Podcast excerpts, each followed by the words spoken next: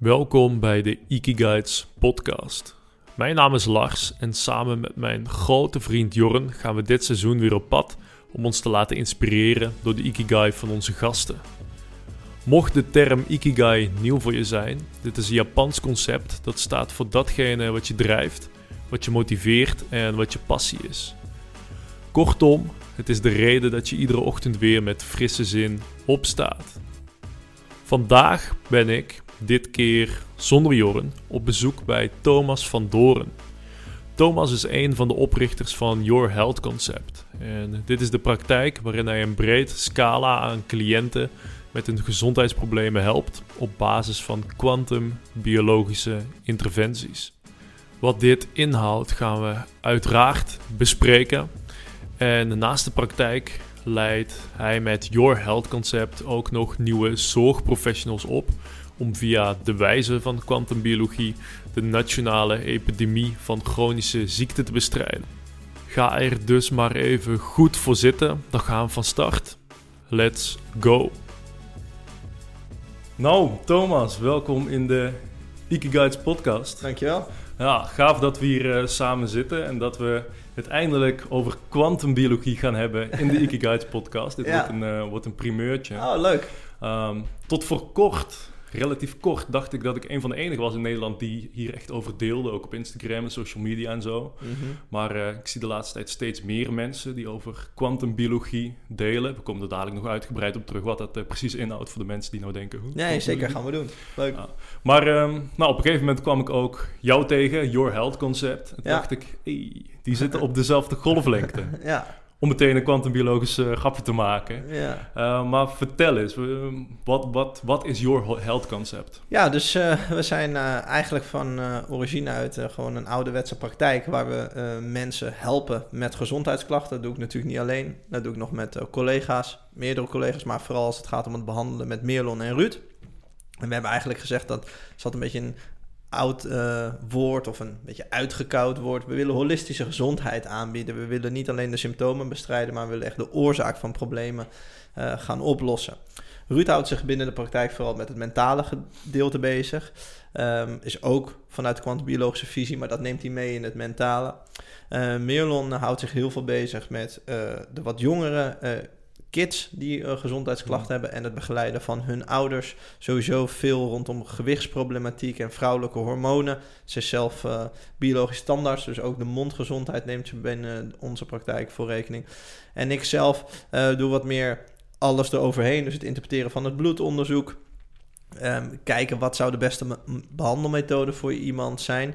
Ehm, daarnaast, zo zijn we ooit begonnen met dit verhaal, eh, hebben we een eigen opleiding voor gezondheidsprofessionals om de informatie van kwantumbiologie over te brengen. En we hebben ook nog een online leeromgeving voor ja, mensen die verder weg wonen of die zeggen, nou ik wil eens eerst eens eventjes een beetje zo eh, met een paar vingers eh, in de pool dippen voordat ik er eh, head, head first induik. Dat je het konijnenhol induikt. Ja, ja. En, ehm, en dat is een online leeromgeving waar eigenlijk alle masterclass over alle onderwerpen rondom gezondheid ehm, worden, worden uitgelegd. Eh, er zijn wekelijkse challenges hoe je gezondheid kunt verbeteren. Er zitten wat eh, speciale kookboeken in, wat e-books in. En eh, dat zijn eigenlijk de drie pijlers van wat we bij Your Health Concept doen. Ja.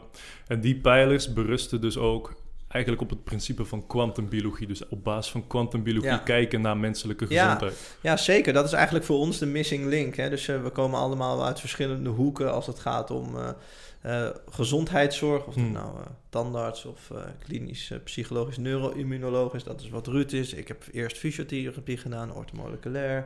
Nou, enzovoort. En steeds kwamen we tegen hetzelfde aan. En dat was, shit, het voelt heel erg als symptoombestrijding. En niet dat dat niet nuttig kan zijn of niet kan verlichten. Het is prima, maar wij misten iets als het ging om maar wat is nou die oorzaak? Hoe kom ik daar nou achter? Hoe kan ik dat nou weghalen? En zeker in grotere groepen, hoe kan ik dat voorkomen? Dat, dat ik niet die zieken hier steeds in de praktijk heb. Ik bedoel, we hebben 11 miljoen chronisch zieke mensen in Nederland.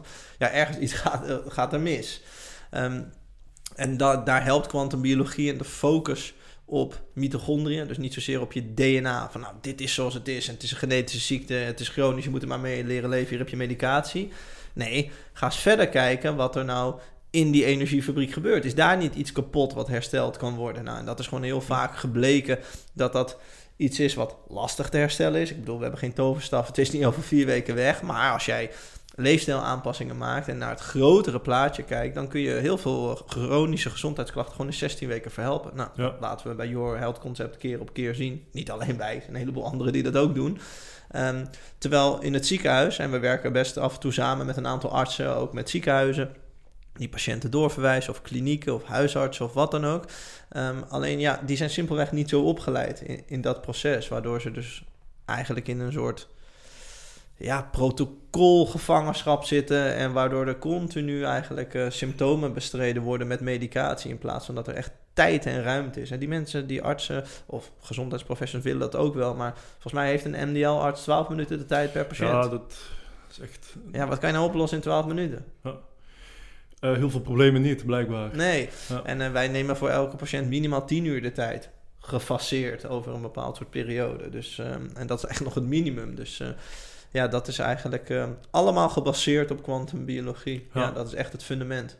Ja, interessant. Daar, daar wil ik het zo dadelijk... Gaan we daar nog wat dieper, dieper naar kijken. Ja, Maar in eerste instantie ben ik ook al heel erg benieuwd... hoe jij tot het punt van Your Health Concept bent gekomen. Hoe ben jij in aanraking gekomen met kwantumbiologie? Ja. En ik denk zoals heel veel mensen. Eh, dat is via Dr. Jack Cruz. eh, vrij bekende hersenchirurg in Amerika. Ehm, en hij heeft verschillende eh, dingen gedaan rondom kwantumbiologie om dat over te dragen aan andere mensen. Dus hij heeft een online platform. Later is hij ook een educatiecentrum begonnen. Dat je online eh, de ins en outs met alle, volgens mij zaten daar 25 docenten in, uit mijn Hm. hoofd gezegd. En eh, ja, dat ben ik gaan volgen. Gewoon echt simpelweg, omdat ik was op zoek. Een andere gezondheidscoach die best wel bekend is, Paul Check. Daar had ik wat contact mee. En die zei, nou, kijk eens een keer naar deze video. Die kreeg ik toen een keertje doorgestuurd via via, op aanraden van hem. En dat ging meteen over kwantumbiologie. En dat was voor mij zo raak. Ik heb daar een half uurtje naar gekeken over dat er gewoon meer is dan dat het oog ziet. Of Ja. meer is dan dat we in een microscoop of bloed kunnen zien, maar dat er nog meer dingen zijn. Het hele flauwe voorbeeldje wat hij heel vaak aanhaalt, en dat doe ik zelf ook heel veel, is ja, zwaartekracht. Je hoort het niet echt, je ziet het niet, je ruikt het niet, je proeft het niet. Vaak voel je het ook niet echt.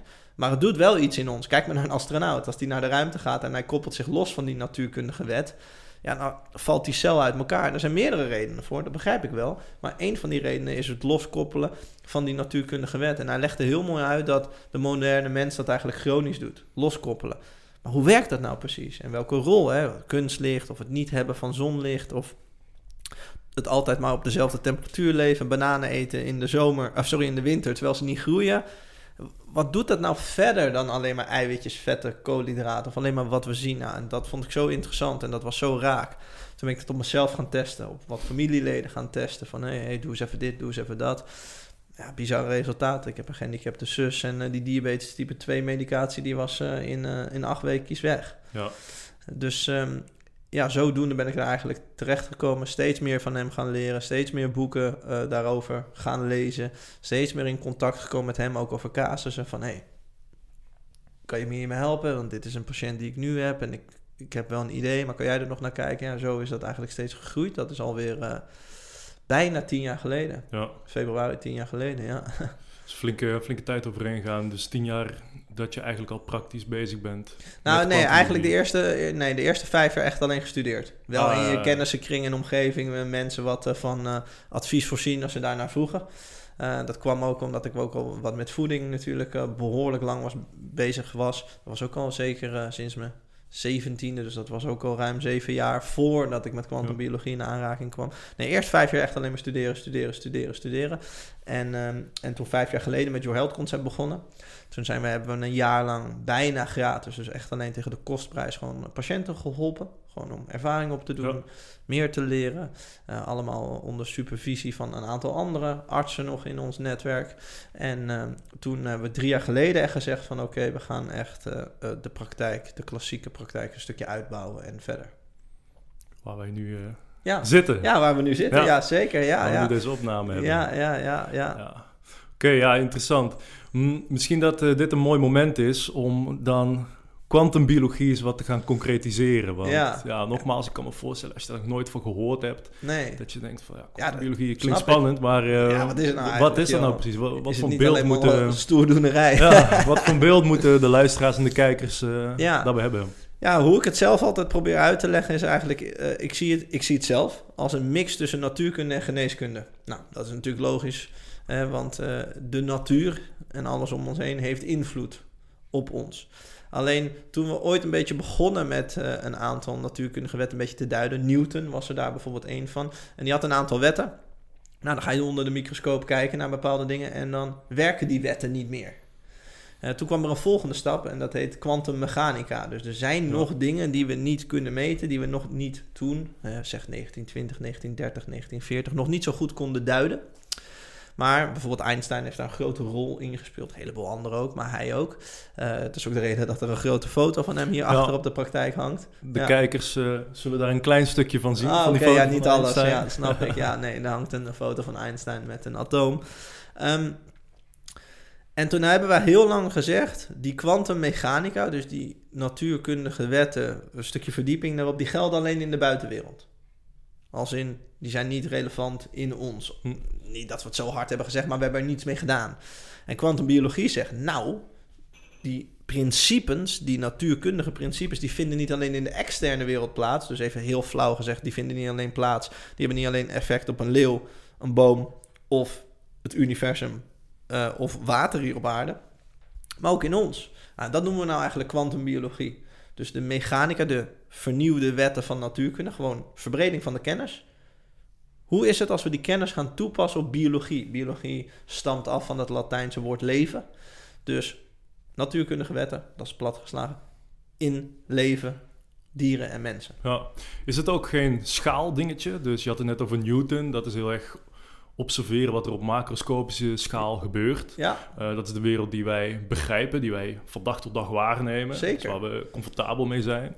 Maar als je gaat kijken naar kwantummechanica, dat is ook heel erg de leer van het allerkleinste. Dus ja dus echt over subatomaire atomen schaal. en zo. Ja, ja. Subanatomaire schaal, absoluut. Atomen en zelfs soms nog verder in, in, in eh, quarks, zoals we dat noemen. En we hebben dat gewoon niet goed genoeg, of lang, hele lange tijd niet goed genoeg onderzocht. Hoe functioneert het nou eigenlijk in mensen? Hm. Wat gebeurt er nou eigenlijk? Hè? Bijvoorbeeld een mooi voorbeeldje daarvan, we hebben een energiefabriek. Een energiefabriek die noemen we mitochondria. En om daar energie te produceren noemen we het elektronentransport. Niet het eiwittentransport, niet het vettentransport, niet het calorieëntransport, eh, niet het koolhydratentransport. Nee, het heet het elektronentransport. Elektronen zijn onderdeel van een atoom. En in dat hele systeem zit ook een protonenpomp. Hè, dus eigenlijk even platgeslagen plus en min. Ja. ja. Ehm, nou, hoe functioneert dat in ons? En dat is dus wat de studie, daarom hoor je bij kwantumbiologie ook vaak het woord mitochondrium, omdat daar heel veel van die kwantumbiologische processen beginnen. Er wordt letterlijk licht doorgegeven, letterlijk. En uiteindelijk komt daar een energiemolecuul uit wat wij dan ATP noemen. Of CO2, wat wij uiteraard uitademen. En zelfs H2O, we produceren zelfs onze eigen water. Nou, die hele dans, wat je net zegt, die zit niet in je perceptie. Nee. De wetten van Newton zitten allemaal bijna allemaal in de perceptie. En kwantummechanica gaat dieper. Eh, het is gewoon kwantummechanica toegepast op mensen, op Exact. cellen, Op het leven. Op, het leven. En daarom noemen we het biologie, koppelen het Ja. woord biologie eraan. ja. Ja. dan hebben we, dan hebben we hem eh, Ja. uitgelegd. Ja, dus ehm, het woord is misschien een beetje hoog gesproken, maar eigenlijk is het super down to earth natuurkunde. Exact. Hoe denk je dat het komt dat we dit zo lang over het hoofd hebben gezien? Of eh, is het Ja. misschien bewust gebeurd? Eh, heb je daar ideeën over? Ja, dat zijn, die vraag krijg ik best wel vaak. En ik denk dat, net zoals met alles, hè, er is geen één ding wat je kan doen om je chronische ziekte op te lossen. Er is vaak niet één ding als jouw auto kapot is, dat dat specifieke enige onderdeeltje kapot is. Er zijn vaak een paar dingetjes die met elkaar in verband houden. Alles kan, maar vaak is het niet zo. Allereerst denk ik gewoon ontwikkeling, wetenschap. Hè, bij wijze van spreken, even heel flauw. Ehm, ja, waarom hebben we nu overal 5G en dus een heel goed netwerk met internet en 30 jaar geleden niet? Ja, de kennis was er niet en dat kwam omdat er veel onderzoekstools of in de praktijk brengende tools eh, er niet waren. En waarom die tools er niet waren, speelt, daar heeft geld natuurlijk altijd een, een link mee. Altijd. Zowel aan de positieve kant als aan de negatieve kant. Dus dat. Ehm, ik denk ook een stukje. We moesten iets gaan doen. Hè? Dus chronische ziektes Ja, stegen enorm. exact. En dat is best wel vaak. Hè? Dat heb je bijvoorbeeld ook eh, teruggezien met bijvoorbeeld het COVID-beleid. Shit, we moeten op dat moment reageren, want er is paniek. En twee jaar later denk je, oh, we hadden best wat anders kunnen reageren of daar zit toch weer wat meer nuance aan. Dus de gezondheidszorg, bijvoorbeeld in Nederland, maar in heel West-Europa, is heel goed in acute zorg. Supergoed. Hè? Als je je enkel breekt of je moet een hartoperatie hebben of je hebt een auto-ongeluk gehad, weet ik veel, acute zorg, supergoed in. Maar in het oplossen van chronische ziekten zijn we niet goed. Dat is niet eh, om de gezondheidsprofessionals te bashen, helemaal niet. Ik werk dagelijks met ze samen. Alleen ehm 11 miljoen chronisch zieke mensen, ja, dan kun je toch niet zeggen dat we er goed in zijn met z'n allen. Dat geldt dus ook voor mij. Ehm, en dat is denk ik heel lang het doel geweest, die acute zorg. Want er was ook niet zo heel veel chronisch. Hè. Die chronische klachten zijn enorm gestegen. De Dus, urgentie is nogal gestegen. ja, waardoor je dus ook de urgentie naar verder onderzoeken, verder ontwikkelen, verder kijken naar medicatie is gestegen. Nou, dan heb je natuurlijk nog eh, eh, macht. Hè? Dus eh, Big Agra en Big Pharma, dus landbouw en, en, en, en medicatie, of eigenlijk de medicinale industrie, hebben natuurlijk heel veel power. En als ik jou ga vertellen ehm, dat je ook je gezondheidsklachten kunt fixen zonder medicatie, dan worden zij daar niet blij van. Hè? Als ik een leefstijl ga pretenderen zonder Coca-Cola, zonder Mars, Twix en eh, margarine van BCL, ja, dan zijn die bedrijven daar niet blij mee. En dat is helemaal niet, ja, dat is toch logisch? Die moeten winst maken, dus dat is toch helemaal niet, eh, niet gek of zo. Eh, dat is gewoon zo. En die hebben, dat is ook een onderdeeltje van waarom het niet naar voren gekomen is. Die, die houden wel eens wat dingen achter. Wetenschap is vaak geen wetenschap, is vaak onderzoek geworden. En onderzoek wordt heel vaak gesponsord. Ja, maar nee, dat houden we allemaal goed in de gaten, hoe die stromen lopen. Echt niet, dat houden we niet in de gaten. Het meest gerenommeerde wetenschappelijke blad, dat heet Nature. En die bracht van de week een artikel uit dat van de gepubliceerde artikelen in 2023 er 10.000, meer dan 10.000, in december herbekeken zijn. Is afgekeurd. is niet goed genoeg. Maar ze zijn wel allemaal al gepublice- gepubliceerd. Dus ik kan ze allemaal terugvinden op internet. En kan tegen jou zeggen: Kijk, het staat Ja. hier. Het is waar hoor. dit is wetenschap. Ja, het is wetenschap. Nee, het is geen wetenschap. Het is onderzoek. Dus ik denk dat het een mix is van heel veel zaken. Waarom kwantumbiologie niet zoveel aan de oppervlakte kwam. En mensen moeten ook hun eigen verantwoordelijkheid daarin nemen. Mensen willen graag een quick fix. Het Exact. systeem traint je voor de quick fix. Als ik je ga vertellen in 16 weken je moet dit doen in een bepaald soort volgorde. Hè, net zoals je je wiskundeboek vroeger in een bepaalde volgorde doorlas. En aan het einde kon je het dan redelijk goed begrijpen. En had je skills om er iets mee te doen. Mensen willen die skills heel vaak ook niet leren. Hè. Die zeggen gewoon van, geef mij die pil maar. Of dat zalfje. Of, want ja, eh, zoveel last heb ik er nou ook weer niet van. Hmm. Nee, dat zeg ik ook altijd. 95% van wat er in jouw interne milieu gebeurt, daar heb je, heb je helemaal niet door. Wat je, als jij nu met mij kletst, ja, je alvleesklier of van je nieren kun je niet heel bewust aansturen Nou. met wat er precies gebeurt. ja, daar denken misschien andere mensen weer anders over, maar eh, je kunt echt niet zelf bepalen, ik ga nu Nee. vitamine D maken en mijn huid bruin maken. Daar heb je natuurkundige prikkel voor nodig, in de vorm van zonlicht. Ehm, dus ik denk dat dat een mix is. Waarom kwantumbiologie? De noodzaak is nu heel hoog. Mensen worden wakker als het gaat om shit. Mijn gezondheid is toch echt mijn eigen verantwoordelijkheid. Ik kan het niet continu bij het medische systeem leggen, want het medische systeem faalt. 11 miljoen chronisch zieke mensen. Mensen beginnen ook door te krijgen dat medicatie slikken heel vaak op de korte termijn verlicht, maar op de lange termijn niet werkt. Hm. Bijwerkingen zijn mensen wel echt zat. Dus ik denk echt dat het een combi is dat het er eerst niet was en nu wel Ja, meer naar voren is. ja, exact. Ja, mensen zijn gewoon op zoek naar antwoorden. Ja, Antwoorden op vragen die tot voor kort nog nooit beantwoord zijn of niet Nee. beantwoord blijken te zijn. Ik zag een statistiek voorbij komen en de exacte data moet je me een beetje te goed houden. Maar waar het op ging is dat er een oncoloog in de jaren 30 in Amerika, ehm, die maakte al zijn ehm eh, kooschappen, dus mensen die kooschappen liepen, wakker. Want hij vond iemand met darmkanker. Dat had hij in zijn carrière nog nooit gezien. Op het moment dat hij dat ontdekte was die meneer 60. Dus die deed al vrij lang eh, werk in het ziekenhuis. En nu is darmkanker volgens mij, ik, ik weet niet helemaal precies, maar ik dacht de eh, snelst stijgende kankersoort of de tweede snelst stijgende kankersoort in het Westen. Dus in 100 jaar tijd, iets wat niet voorkwam, iedereen in het ziekenhuis werd ervoor wakker gemaakt, uit zijn bed gerukt, zusters, verpleegsters, eh, artsen in opleiding. Moet je nou zien, wat is dit joh?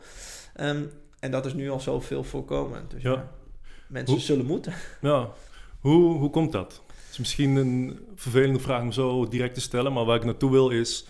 eh, we hadden het net over kwantumbiologie, dat proberen een beetje te definiëren. Ja, Ehm, hoe kijkt kwantumbiologie naar, naar in eerste instantie ziekte ja. en vervolgens naar gezondheid? Ja, nou sowieso, en dat is ook uh, de slogan die we bij Your Health Concept heel veel um, gebruiken, is gezondheid heeft sowieso iets van doen met energie. Als je heel gezond bent, straal je veel energie uit, heb je veel energie. Dat kunnen we ook gewoon objectief meten. Hoeveel energie, ATP, produceer jij? Als je ziek bent, en dan bedoel ik niet een griepje, maar langdurig ziek, dan doen jouw energiefabrieken, mitochondriën het minder. Dat kunnen we meten. Je produceert letterlijk minder energie. Als je helemaal geen energie meer zou produceren, dat noemen we dan de dood. Ja, dus dan ben je er helemaal niet meer. Dus gezondheid heeft sowieso iets van doen met energie. hey, heeft natuurkunde en kwantumbiologie en kwantummechanica niet iets van doen met energie? Ja, daar komen die plusjes, minnetjes, elektronen, protonen, zonlicht, kou, komen daar allemaal in de picture. Alright. Dus je, het zijn, wat dat dan ook is, hè, dat is even een ander onderwerp, of, maar dan kunnen we zeggen mens, paard, boom, wat dan ook. Het moet hoog energetisch geladen zijn. Zodat het, hè, dat is een, eh, een bekende uitspraak van mijn collega als een bekend die zegt dat in elk gesprek, zodat als ik hoog energetisch geladen ben, dat zijn zichzelf kan handhaven en kan genezen. Dus ik kan mezelf handhaven, ik kan mezelf staan houden, ik kan voor mezelf zorgen. Ik ben niet hm. afhankelijk van een supplement, niet van een therapeut, niet van niks. Ik kan gewoon voor mezelf zorgen, zodat ik ook mezelf kan genezen. Wat bedoel ik, wat bedoelen we daarmee? Stel je voor, jij hebt griep. Dan ren jij niet meteen naar de huisarts in een rechte lijn van, ah, paniek, paniek. Iedereen heeft een bepaald soort tools. De een neemt een kippensoepje, de ander gaat wat eerder weg van werk, de ander slaat een dagje sporten over, weer iemand anders gaat even in bed liggen. Heeft tools om te zeggen: Oké, ik moet mijn lichaam de tijd en de rust geven om dat zelf te helen. Je vroeg net iets over kanker. Kanker is een ontzettend complexe ziekte. Maar wat we wel zien is dat onze energiefabrieken minder energie produceren in die context. Er is overmatige celdeling, dus het probeert wel meer energie te produceren, hm. maar dat lukt niet. Ook zien we, het is geen oorzaak, maar we zien een sterk verband in al heel lang goed wetenschappelijk onderzoek wat we doen met lage vitamine D-spiegels, lage melatonine-spiegels. hey, dat zijn allebei hormonen, want vitamine D functioneert als een hormoon, die door daglicht geproduceerd worden op de huid en op de ogen. Die zelfhandhaving en zelfgenezing, die is bij kanker lastig, want dan ben ik al heel ver weg ergens van. En dan ben ik al heel ver en heb ik al heel veel ben ik al heel lang door aan het rijden met een kapotte auto. Laten we het maar even zo zeggen. Maar daarvoor zou je eigenlijk alles zelf moeten kunnen herstellen. Ja, dus of het nou een griepje is, of de lever die niet goed functioneert, of de darmen niet goed functioneert. Als je je houdt aan de wetten van de natuur, dan hoef jij het lichaam niet te vertellen wat het moet doen. Is het zelfredzaam? Ja, het zelfredzame. Um, dus dat is voor ons wat gezondheid is. Veel energie, jezelf kunnen handhaven en jezelf kunnen genezen. En zelfgenezing klinkt altijd heel flauw of heel eh, woehoe, jomanda, zeggen sommige mensen ook wel eens. Maar je, je lichaam doet ook de hele tijd. Als je een glas alcohol neemt, dan lost hij toch zelf op dat die alcohol wordt afgebroken. Als jij gifstoffen inademt in een bepaalde hoeveelheid, dan maken de longen dat zelf schoon. Als jij een keer iets troep hebt gegeten, iets vervuilds hebt gegeten, het lichaam is de hele dag bezig met ontgiften. Maar om dat te kunnen doen, heeft het wel energie nodig. Het is de hele dag bezig met hormonen maken en hormonen in balans houden en je bioritme in balans houden. Dat ben je echt niet allemaal bewust aan het doen. Maar daar heeft het wel energie voor nodig. Ja. En als die energie ontbreekt, ja, dan is het niet gek. Je kan wel van alles willen met je leefstijl, weg willen rijden met je auto. Maar als of de motor het niet doet, of het contactslot gaat niet om, of de tank is leeg. Dan uh, kom je geen meter verder. Nee. Ja, dus om al die lichamelijke processen te, te drijven, te financieren, heb je energie nodig. Ja, en wat is de hoofdbron van energie hier op aarde? Zal die grote gele bal zijn die daar in de lucht eh, staat te bungelen, iedere dag weer. Ja. We weten dat planten beter functioneren als ze in de zon zijn. We weten dat van dieren. Maar wij verschillen niet zo super veel van planten en dieren. Tuurlijk zijn we anders, tuurlijk zijn we complexer. Maar heel veel basisprocessen, zoals fotosynthese, de groei van een uh, plantaardige cel. Er is ook menselijke fotosynthese. Ook daarvoor is gewoon doodnormaal zonlicht nodig. Ja. ja. Kan je energie, het concept energie, definiëren vanuit kwantumbiologisch oogpunt? Want ja, je zijn net energie, uh, Jomanda, woewoe. Ja. Uh, hoe, hoe zou jij dat definiëren? Ja, dat is super lastig natuurlijk. Hè. Dat is echt, dat is echt waar, waar, waar uh, weet ik veel, Bohr, Tesla, Einstein, hmm. Nielsen, al die gasten zich op een bepaalde, op een bepaalde manier mee, mee bezighouden. Hoe wij het altijd proberen uit te leggen, is dat energie is een elektrische lading. Dus het is iets wat in beweging is. Het zijn deeltjes die in beweging zijn atomen die in beweging zijn. Ook andere deeltjes, maar ook atomen. En die kunnen hun energie, hun warmte, kan je het ook wel noemen. Het is complexer, maar laten we het even Mhm. zo noemen. Ja, ja, ja. Ehm, loslaten. Ja? En die losgelaten warmte die kan door een ander object, een ander atoom, afgevangen worden, opgepakt worden en kan daardoor massa maken. Misschien hebben mensen dat ooit een keer gezien. Die E is MC2 van Einstein. Ja. De E staat voor energie. Van die meneer die hier aan de muur hangt. ja, ja. Voor de luisteraars. Ja, en het is-teken is dat het gelijk is aan massa en de snelheid van het licht waarmee het reist. Laten we dat even links liggen, snelheid van het licht, want dan Mhm. worden we heel complex voor een podcast. Energie is massa en massa is energie. Het is hetzelfde. Dus die tafel Die die zijn hier, uitwisselbaar. juist, die hier voor ons is, dat was ooit een boom. Dus er zijn stoffen die kunnen die energie aantrekken. Een hele belangrijke stof daarvan is water. Dus wat zeg ik eigenlijk? Energie is de overdracht van een elektromagnetisch veld.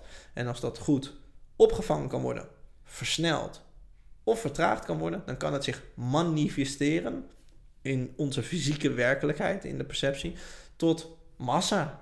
Jouw lichaam, deze tafel, een boom, een auto. Dat is eigenlijk wat energie is, hoe ik het altijd probeer uit te leggen. Ja. ja, ik denk dat dit zo belangrijk is om te vatten als je kwantumbiologie wil begrijpen. Want je zegt net, nou, we zitten hier aan een houten tafel, dat was ooit een boom. Eh, en die boom, dat was ooit een mini-mini boompje, Ja. maar die is kunnen groeien door, in eerste instantie door lichtenergie uit de lucht te vangen van de zon. Ja, En die lichtenergie ja, vast te leggen in En daar hoort water bij. en koolstof. juist. Ehm, maar dan ga je al van licht, wat licht is energie. maar als je dat zegt, dan, dan kom je snel in de woehoe-sfeer. ja, terwijl het je basis natuurkunde is. exact, precies. hè, maar dat, dat, dat is het mooie. Dat, die verbinding maakt dus die formule van Einstein. eh, die laat gewoon natuurkundig, dus nou, wetenschappelijk zou je Ja. kunnen zeggen, Dit is echt wetenschap. zien dat ehm, ja, licht en massa uitwisselbaar zijn. Dus Juist. de- de- dat is de brug van de woe-woe-wereld naar de fysieke, materiële wereld Ja. die, die we kennen. En, en, en hier gaan we dus ook weer een beetje terug op mensen en de quick fix. Dat weet je zelf toch eigenlijk ook al. Ja, Jij eet een biefstuk. Of wat je dan ook eet. die eet ik graag. Je eet een massa. Ja. Die koe heeft die massa kunnen bouwen doordat hij een gezond koetje was. Hè, want je eet het liefst biologische, biodynamische eh, producten. En jij zet dat om in wat?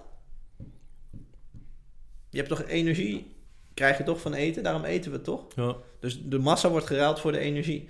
Is het ook intern nog weer andersom? Dat de energie wordt geruild voor massa? Ja, tuurlijk. Je moet toch cellen bouwen? Als je nou grote spierballen wil... of überhaupt je orgaan gezond houden... dan moet de energie die ontrokken is uit de massa... uit het biefstukje... moet weer omgezet worden naar een andere vorm van energie... een andere staat van zijn. En dan kan het die energie gebruiken om... spierweefsel te maken, leverweefsel te maken... botten te maken, hersenen te maken... je oogcellen te verversen. Dus we weten het al... Hm. Alleen als je zegt licht is energie, dan is woehoe. Maar als we zeggen, oh, een banaan heeft, of een bananenboom, sorry, moet ik zeggen, heeft heel veel zonlicht nodig. Ik eet die banaan, krijg daar energie van en ik hou mijn massa daarvan op, dan is het wel logisch. Hm. Dus het is ook een stukje, eh, gaan we weer die quick fix, ook niet, letterlijk niet verder willen kijken dan je neus lang is. Letterlijk. Ja. En dat doet kwantummechanica, die kijkt gewoon verder dan wat, jou, wat je in je fysieke wereld ziet. Ja, en dat we Ja. op dat is hetzelfde met de wi- wifi. Ja, precies. Als ik soms aan mensen wifi uitleg. Pak wifi is vast. Nee, dat- oké. Proef het is, eet het is, snij het is in twee stukken. Maar we weten allemaal dat het er is. Want er is een antenne op de laptop of waar dan ook. En dat signaal wordt ontvangen en dan gaat er een wereld open. Maar grijp zonlicht maar eens vast. Dat kunnen we dan toevallig nog wel zien. Niet alles, een deeltje. Dus als we draadloos verbonden zijn met een, eh, met een laptop, dan is het allemaal heel normaal. En als jij als mens gaat zeggen van ja, we zijn draadloos verbonden met de zon, dan ben je een mafkees. Het zijn precies dezelfde twee technieken, op dezelfde Ja. manier. Wat wil je nou? Jij bent de Hetzelfde mafkees. Ja. Ja. Dus ehm, ja, zodoende eh, proberen we kwantumbiologie altijd simpel te maken. Exact. Hey, en om nog even een stapje terug te gaan, dus het vermogen, ons vermogen om die uitwisseling te behouden tussen licht en massa, dat ligt volgens jou aan de basis van menselijke gezondheid. Absoluut. Want energie ligt aan de basis van menselijke gezondheid. Ja, En daarom kwam ik net ook terug op die energiefabriek in onze cellen. Ja. Mitochondriën, wat doen die? De energie die in massa zat, Zonlicht is een vorm van, van een bepaald soort massa. Voeding is een bepaald soort massa. Kou is een bepaald soort massa. Geluid is een bepaald soort massa. Omzetten naar interne energie, zodat ons kacheltje kan blijven branden. Ja. ja. Oké. Ja, en om dan uh, nog een stapje verder te gaan. Hè? Hoe kwantumbiologie anders tegen gezondheid en ziekte aankijkt dan bijvoorbeeld, uh, nou, laten we het de westerse geneeskunde noemen of de reguliere gezondheidszorg. Um, ik heb nou, drie jaar geneeskunde gestudeerd. En daar, als wij over ziekte moesten leren, dan leerden we altijd risicofactoren. En dan vaak bovenaan het lijstje van risicofactoren stond genetisch bepaald of ja. uh, genetische aanleg. En dat is, als ik kijk naar de reguliere uh, filosofie en kwantumbiologie, het verschil wat ik heel erg zie is dat in het reguliere wordt er nog heel erg gekeken naar de menselijke cel, dus de, het menselijk DNA als centrum van nou, menselijke gezondheid. Ja. Maar in kwantumbiologie kijken we dus heel erg naar de mitochondriën. Ja. Focussen we echt op de mitochondriën. Zou je dat verschil kunnen, kunnen duiden? Ja, ik probeer dat wel eens uit eh, te duiden met uh, een auto. Voorbeeld van een auto. Ja. ja. DNA is hoe de auto eruit ziet en welke motor het heeft. Ja, dus over het algemeen is het lastig om er, uh, een auto echt heel erg te veranderen. Een rode auto, een rode Suzuki Swift, is een rode Suzuki Swift met een bepaald soort vermogen, bepaald soort power, een bepaald soort versnellingsbak, bepaald soort ruimte. Ja, dat is nou eenmaal zo. Daarom noemen we hem ook zo. Usain Bolt heeft een bepaald soort opmaak, want die is in een bepaald soort omgeving ontwikkeld. Hoe lang gaat die Suzuki Swift mee? Dat is afhankelijk van je rijstijl. Als ik die auto alleen maar in zijn één laat staan. En ik doe alleen maar vol gas rammen met die auto. Nou, in een één kan ik niet hard. Ik kan, eh, laten we zeggen, overdreven 50 km per uur. Ik maak heel veel toeren. Ik verbruik heel veel benzine. En de motor moet heel lang gekoeld worden. Dus ik gebruik ook veel olie en heel veel uh, koelvloeistof. Is dit de beste manier van met die Suzuki om te gaan als ik er 20 jaar mee wil doen? Nee, want er zit een versnellingsbak in en voor verschillende situaties gebruik ik een verschillende versnelling. Ja. ja. Dat noemen we dan rijstijl. In de gezondheid noemen we dat leefstijl. Ja, je hebt een set genetica meegekregen, dat klopt. Het wordt heel lastig voor mij om morgen zwart haar te hebben en groene ogen. Nee, ik heb lichtblond haar, en blauwe ogen. Dat kan ik niet zo makkelijk uh, veranderen, of sterker nog, niet veranderen. Maar mijn leefstijl kan ik wel aanpassen. We kunnen ook in daadwerkelijke wetenschap terugkijken hoe is die Suzuki Swift, die mens, geworden zoals die is. Een ijsbeer is een ijsbeer, want goh, hij groeit in bepaalde omstandigheden op. Usain Bolt zijn huidskleur is donker. Goh, want hij en zijn voorvaderen zijn opgegroeid op een plek waar heel veel zonlicht is. En we moesten, zij moesten zich daar beschermen tegen dat zonlicht. Dus eigenlijk de omgeving is bepalend voor je gezondheid en je functioneren in het algemeen en je fysieke kenmerken. Die fysieke kenmerken die kan ik niet meer aanpassen bij mensen. Maar de omgeving wel. Sterker nog, we hebben een heel systeem wat zich chronisch op de omgeving aanpast. Dat noemen we ook wel de biologische klok of het bioritme. In de winter, in Nederland, als het kouder is, er andere producten te eten zijn, er minder licht is, moet het lichaam zich aanpassen. Heel vroeger deden we dat in de vorm van een winterslaap.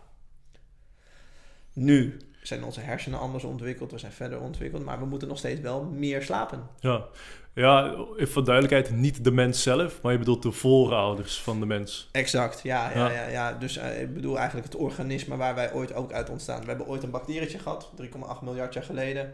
Woep, en nu zijn we een complex mens. daar zit natuurlijk heel veel tussen. Hm. En ooit daartussen, in een bepaalde, noem het voorouder, noem het een andere staat van zijn, hoe je het noemen wil, hebben we ook winterslapen gehouden. Ja. Ehm, dat kwam door de omgeving. Dus jouw statische DNA, hoe je eruit ziet, is vast. Maar er komt heel veel informatie binnen. En die informatie die binnenkomt, die laat mij steeds aanpassen. Ja, je zegt niet als de zon ondergaat: Hoi lichaam, hoe is het? Word maar moe en ga dit en dit maar doen, want je moet straks gaan slapen. Nee. Er is een prikkel of het ontbreken van een prikkel, in dit geval licht. En die gaat zeggen: Maak jezelf klaar om te gaan slapen. Dat is evolutionair zo neergelegd. Dat zit in onze celbiologie.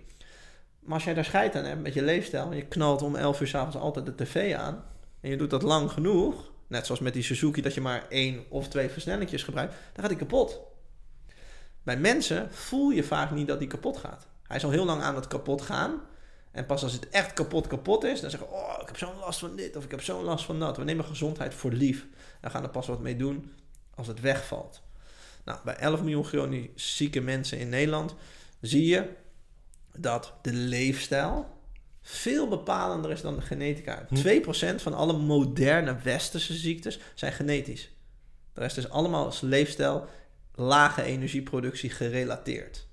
En dat komt, dat is ook niet zo gek, licht is sinds 1887, zo uit mijn hoofd gezegd, geloof ik zoiets, ergens in die tijd. Nou, in ieder geval 1880 daar ergens. Ehm, dat is pas heel kort. Onze celbiologie is nog niet op kunstlicht geadapteerd. Want dat lijkt in geen ene manier op zonlicht. Hetzelfde geldt voor de voeding. Hè, een banaan in december, hoe kan dat nou, joh? Ja, je kan naar de supermarkt nu lopen, dat snap ik. Maar 200 jaar geleden, hoe kom ik aan een banaan in december dan? Moest je heel ver varen. Ja, en nog een stukje verder terug in de evolutie. We zijn tien jaar geleden begonnen met landbouw. Daarvoor hebben we een ijstijd gehad. Bijna 200.000 jaar, volgens mij 180.000 jaar in mijn hoofd. Stel je voor, want toen waren Neandertalers, voor ouders van ons, um, waren hier al op het noordelijke halfrond. En er was één grote ijsvlakte. En als het niet een ijsvlakte was in die fase, was het meestal onder de 7 graden. Dan groeien koolhydraten dus niet. Geen noten, geen zuid, geen, uh, geen zaden, geen fruit.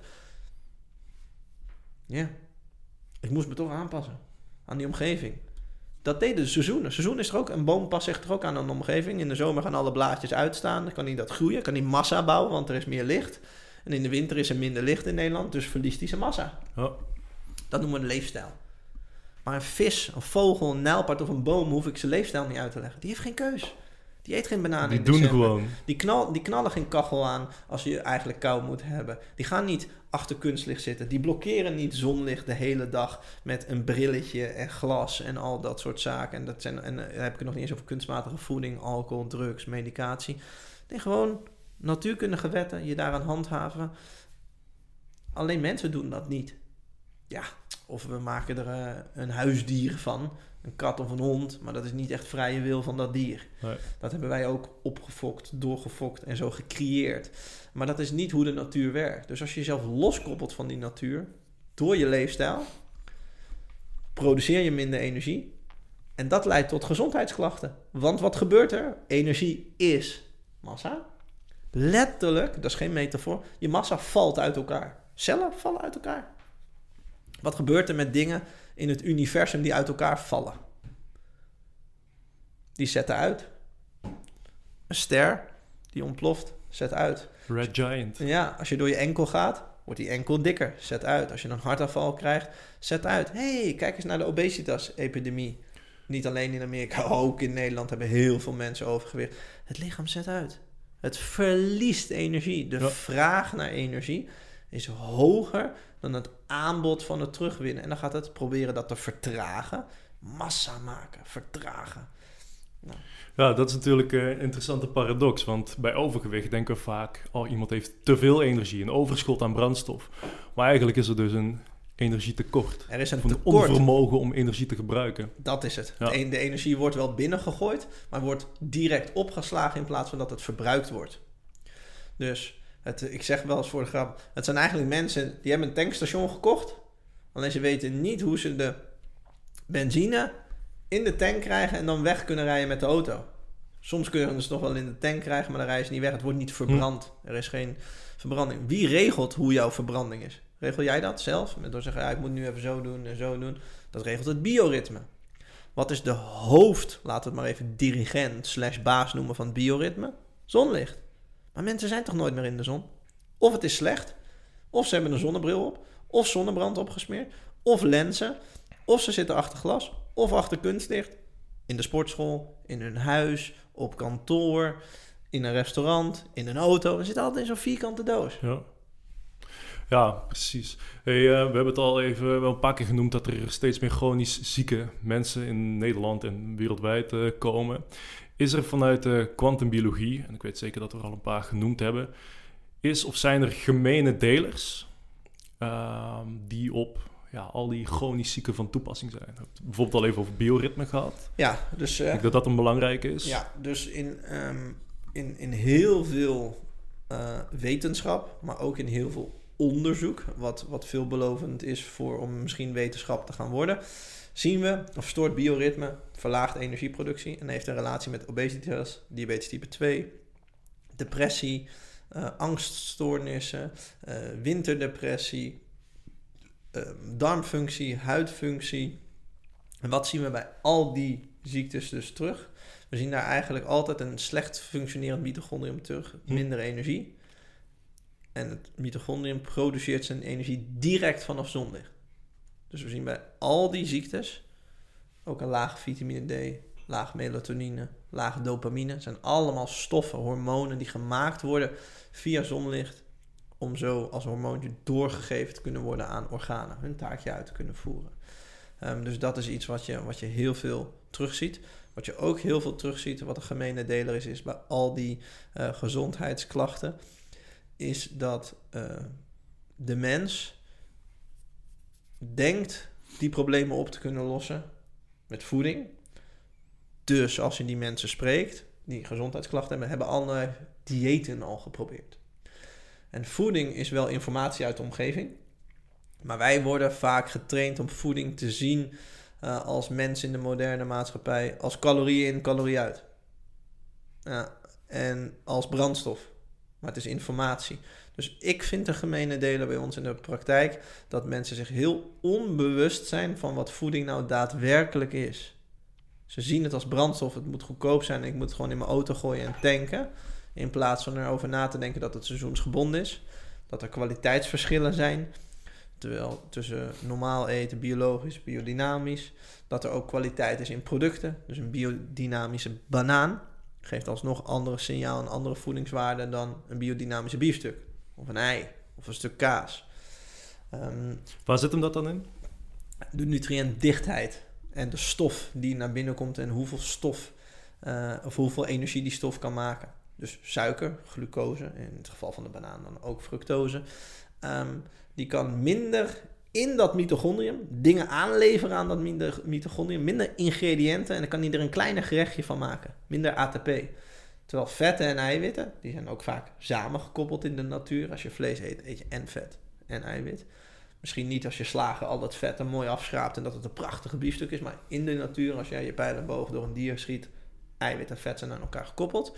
En die ingrediënten, als die worden aangeleverd aan het mitochondrium, kan hij een heel groot gerecht ervan maken. Heel veel ATP, heel veel energie maken. Dat is dus een verschil. Maar wat mensen vaak vergeten, is dat, kun je zeggen, ja, maar je kan toch van beide gewoon evenveel eten, dat je evenveel calorieën binnen hebt. Ja, nee, dat, dat, dat kan, maar dat blijkt dus op een dieper niveau, op een kwantumbiologisch niveau, nadelige effecten met zich mee te brengen. Waardoor je als je puur aan de energie inkant, oh, ik stop er zoveel calorieën in, lijkt alsof het even goed is. Maar als je dieper gaat kijken naar de lange gevolgen daarvan, dat het nadelig is. Dat die machine te hard moet werken om die energie eruit te trekken, waardoor die eerder veroudert, eerder kapot gaat. Dus dat is iets wat je ook heel veel terugziet in de moderne. Hm. Iedereen die hier in de praktijk binnenkomt, hoe ze ook doorverwezen zijn. Heb je een dieet voor me? Uh, nou, het zou kunnen, maar ik heb eerst nog 80 andere dingen die ervoor zorgen. En dat is helemaal geen verwijt. Dat is gewoon hoe we opgegroeid zijn. Eén, het zit in onze perceptie, dus het geeft relatie. Twee, we hebben natuurlijk een emotionele band, want het maakt bepaalde stofjes aan. En dan, hè, je kunt letterlijk verslaafd raken aan koolhydraten. Je hm. kunt een geluksmomentje hebben. Uit je jeugd kunnen er nog heel veel dingen zijn, relaties zijn met eten. Dat dat troostvoeding kan zijn, een ijsje of een ditje of een datje. Dat zit er nog bij. En, ja, wat hebben we er nou over geleerd? Van de peuterspeelzaal tot aan de universiteit. Wat heb je nou geleerd over hoe je eigen lijf werkt, hoe de omgeving werkt, hoe gezondheid werkt? Niet veel. Nou, echt bijna niks. Echt bijna niks. Ik heb zelf aan, uh, aan topsport gedaan in tennis en ook daar leerden we echt weinig erover.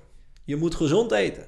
Ja, nee, natuurlijk, dat werd geleerd. En tuurlijk snap ik broccoli, kipfilet, rijst en een sportmaaltijd, pasta. Kregen we altijd pasta, hm. voor of na wedstrijden, trainingen of wat dan ook. Ja, daar zit veel energie in. Ja, ja. Ja, vandaar dat je twee uur later weer trekken. Zeker. Ja.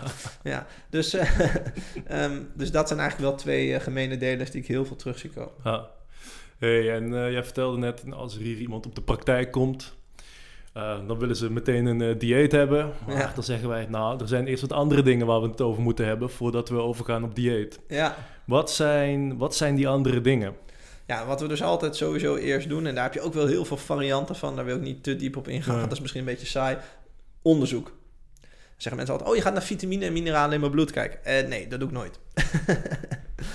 je wil eigenlijk mechanisch weten, dus even, ik vertaal dat weer naar de auto. Ik wil niet weten hoeveel benzine, koelvloeistof eh, of remvloeistof in je auto zit. Ik wil hoe, weten hoe is het met je tandwielen, hoe is het met je versnellingsbak, het met de aandrijfgas. De wat diepere dingen in de cel, de mechanistische dingen. Dan ga je weer naar dat mitochondrium. Hoe functioneert de overdracht van energie? Dat doen we altijd eerst. Want dan kan ik voor jouw persoonlijke context zeggen... Ah, ik zie dit allemaal terug. Ga deze en deze leefstijlaanpassingen eens maken. Dus dat kan zijn, ga eens ochtendzon zien. De zonsopkomst, ook als het bewolkt is, ook als het regent, ook als het december is in Nederland, geeft bepaald soort energie, informatie, dat noemen we dan ook wel frequenties. En die zetten onze biologische klok in een bepaald soort stand, waardoor het weet, ah, korte dag, Nederland, koud, ik moet dit doen met mijn hormonen, zo laat moet mijn lever actief zijn, zo laat moet mijn darmen actief zijn, enzovoort, enzovoort. Dan kun je gedurende de dag een klein beetje invloed op uitoefenen met sporten, bewegen en eten. Ah, sorry, sporten, bewegen. Sporten, eten ehm, en wat je drinkt, om het zo maar te zeggen. Maar dat is maar een kleine input. Hm. Die input, het zetten van dat bioritme, dat gebeurt altijd in de ochtend. Nou, jij wilt toch ook met je auto wegrijden in versnelling 1 van de parkeerplaats? En als je meteen kunstlicht aanramt, waardoor het middaglicht lijkt voor jouw brein, rij je dus in versnelling 3 van de parkeerplaats. Nou, hoe lang hou je dat vol? Dus dat is altijd eentje die we meegeven. Ga jezelf blootstellen aan het ochtendlicht. Dagdieren, wat wij zijn. Welk ander dagdier wordt er niet wakker net iets voor of rondom zonsopkomst? Geen één. Daarom eten we ook dagdieren. De mens. Ja, de mens, want die zit of, ik begrijp het wel, moet naar mijn werk en ik snap het allemaal wel, maar praktisch dat toepassen, dat, dat wordt bij iedereen hier in de praktijk ook specifiek voor zijn werk, zijn ritme aangepast. Daar heb je weer trucs voor om dat goed in orde te krijgen. Maar ochtendlicht is er absoluut één.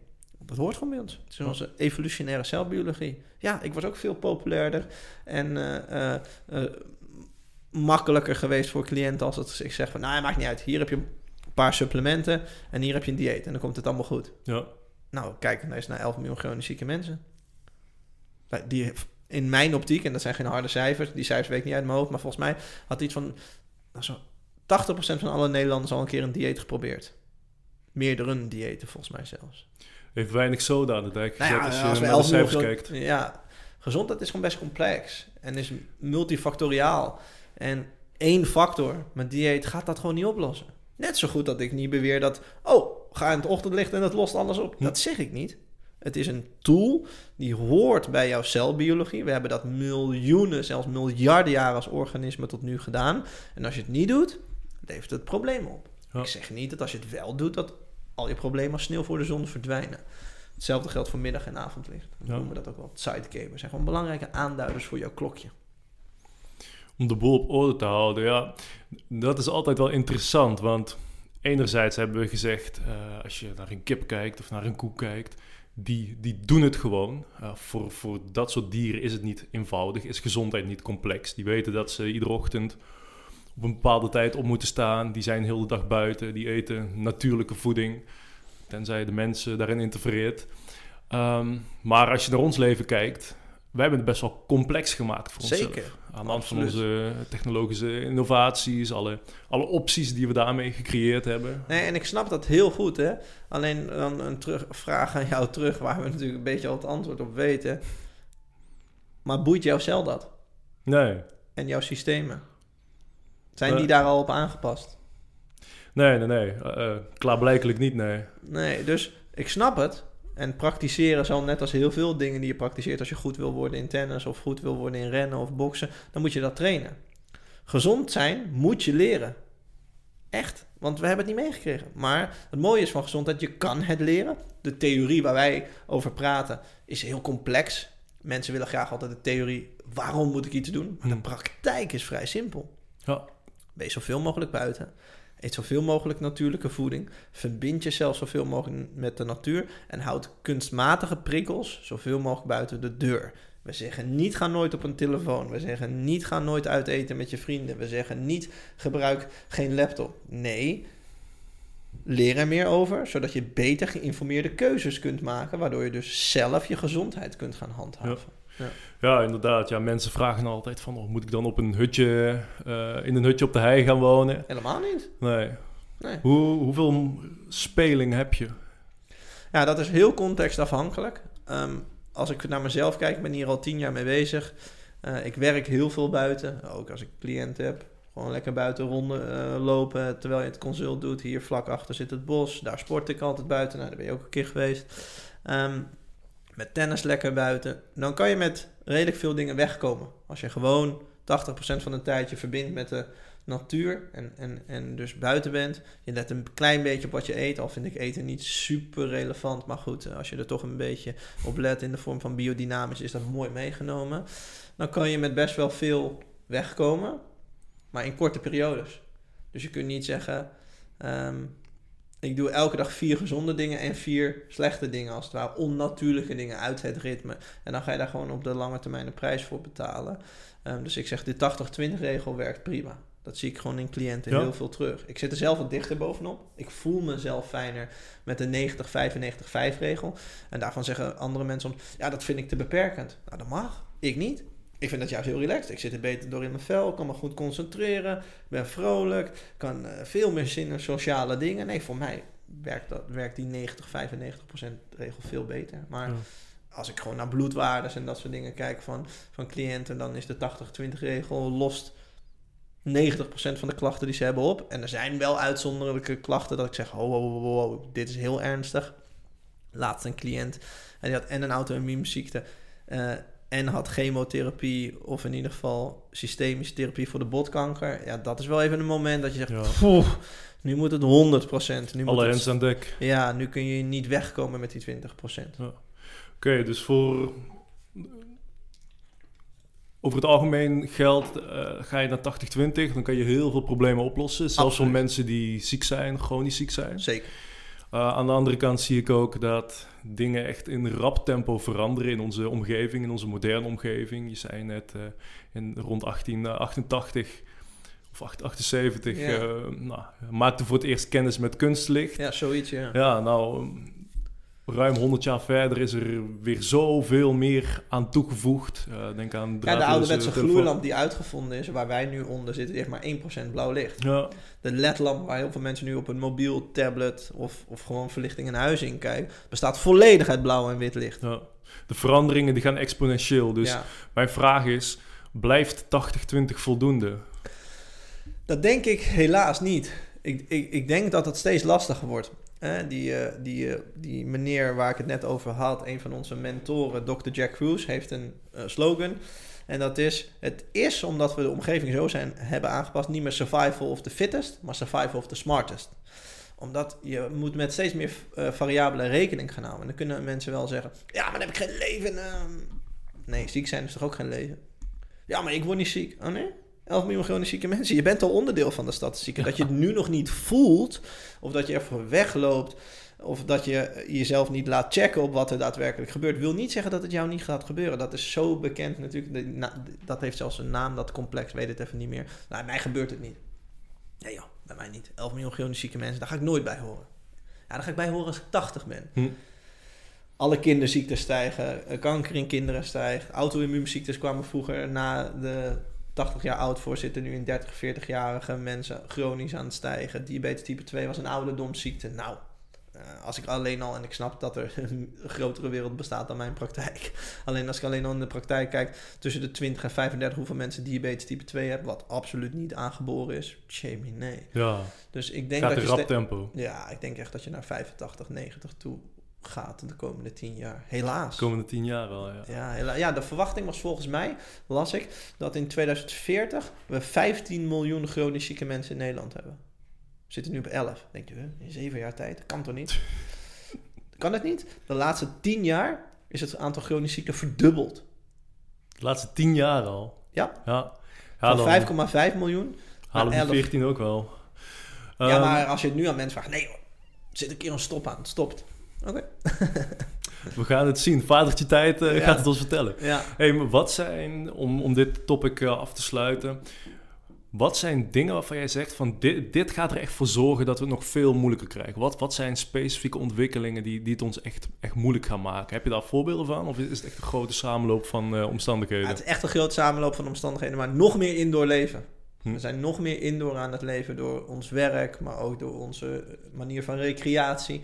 Uh, we leven steeds meer indoor. Indoors afsluiten van natuurlijk licht, afsluiten van de natuurlijke frequenties van de aarde. Dus we grounden niet meer. Um, de dingen die we daarop zien en doen, vragen ook heel veel van de hersenen. Dus eigenlijk komt het eigenlijk dat het, de vraag naar energie wordt steeds groter en het aanbod wordt steeds lager. Ja, daar, daar kunnen we het uh, op plat slaan eigenlijk. Ja. Het komt allemaal terug op energie. Ja, en dat is hetzelfde als met niet-natuurlijke elektromagnetische velden. 1G, 2G, 3G, 4G, 5G, al die dingen. Als ik ze misschien in isolaat meet, zijn ze nog niet eens zo heel slecht voor gezondheid. Eens. Die hele bubs bij elkaar is allemaal weer informatie. Net als de wifi die je niet hoort, niet ziet, niet ruikt, niet proeft, niet voelt. Maar als jij denkt dat die geen invloed hebben op je cel, dan ben je echt ontzettend naïef. Oh. En als je zegt, ja, maar er is een onderzoek... en dan ga je dat onderzoek eens goed bekijken... en dat is dan gesponsord door, uh, um, hoe heet die uh, moedermaatschappij van T-Mobile ook alweer... dat het niet slecht voor je is. Oké. Als, jij, als jij denkt, als je nou nog in de laatste tien jaar niet hebt gezien... dat bedrijven niet het beste met ons voor hebben, maar winst willen maken... dat heel veel overheden in de tang zitten van heel veel bedrijven... waardoor ze de werknemers misschien wel het beste met ons voor hebben, maar het systeem het niet toelaat om het beste met ons voor te hebben. Dat zie je ook in de kwaliteit van supplementen, hoe die achteruit is gegaan. Hm. Het winnen van grondstoffen en het niveau daarvan.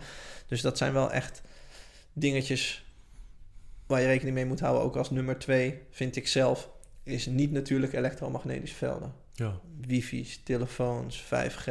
Ja, maar ik kan er niet aan ontsnappen. Dat zeg ik ook niet. Je moet er rekening mee houden. Ja, Ik, denk, ik zie dat als een hele grote. We weten ook op mitochondriaal niveau wat trillingen doen. En dat die niet-natuurlijke trillingen slecht zijn. Ja. Dat is niet zelf verzonnen, daar is echt al wetenschap over. Inderdaad, ja, dat, dat is natuurlijk ook wel interessanter, want... Word je opeens uh, weggezet als wappie en als je dan een natuurkundige paper laat zien, dan is het van... Uh, ja, ja, ja, ja, ja, ja.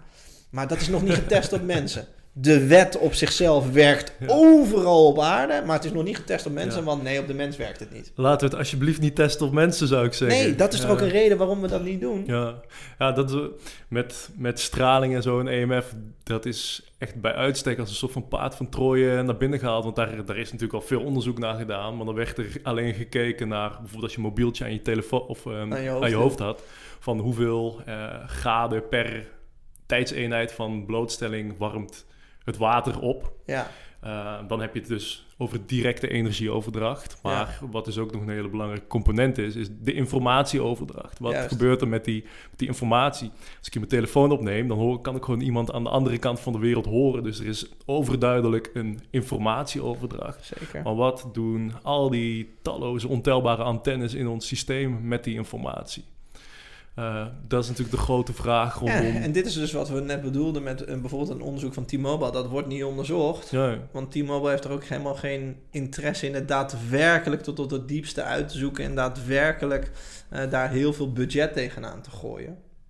Het kan er alleen maar slecht uitpakken natuurlijk. Dat je erachter komt van... Hmm, misschien gaan we er toch niet zo lekker Maar als jij 30 jaar geleden hebt gezegd... en daar is documentatie van... van mensen die toen al uh, dingen opnamen of lezingen gegeven Blauw kunstlicht is slecht voor je. Die jongen, die mensen werden uitgelachen.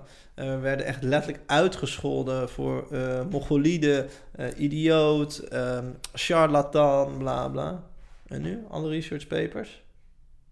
Oh, ja, hm. ja, ja. Terwijl die persoon er toen zei gewoon op basis van... oh ja, zo werkt de natuurkundige wet, zo werkt signalen, zo werkt de zon. hey, als ik daar een isolaat uitpak... Hm, ja, is niet heel handig. Nee. Uh, dus dat, dat is echt iets waar we nu ook met die niet-natuurlijke elektromagnetische velden in zitten. Het hele universum is elektromagnetisch. Je atomen functioneren op elektromagnetische straling. Alleen dat hebben ze 3,8 miljard jaar wel gedaan binnen een bepaald spectrum. En nu gaan we ver buiten dat spectrum. Nee, geen invloed op ons. Tuurlijk. Ja. Oké, ja, dat, dat, wil geloven, prima. Ja, dat is gewoon hoofd, hoofdopzettelijk uh, wegdraaien. Ja, net zo goed de andere kant ben ik het ook mee eens. Ja, van 5G krijg je meteen kanker. Oh, wow, wow, wow, wow, wacht eventjes. Dat is ook een beetje overdreven. Wij zeggen hier nu aan tafel, het heeft invloed. En die invloed is uit wetenschap gebleken niet positief. Als er dus meer van dat niet positieve bij komt, zal het er niet positiever op worden. Hm. Dat is eigenlijk wat ik zeg. Ja. Ja, de grote samenloop van omstandigheden, de, de immense complexiteit aan prikkels waar we aan worden blootgesteld. Ja.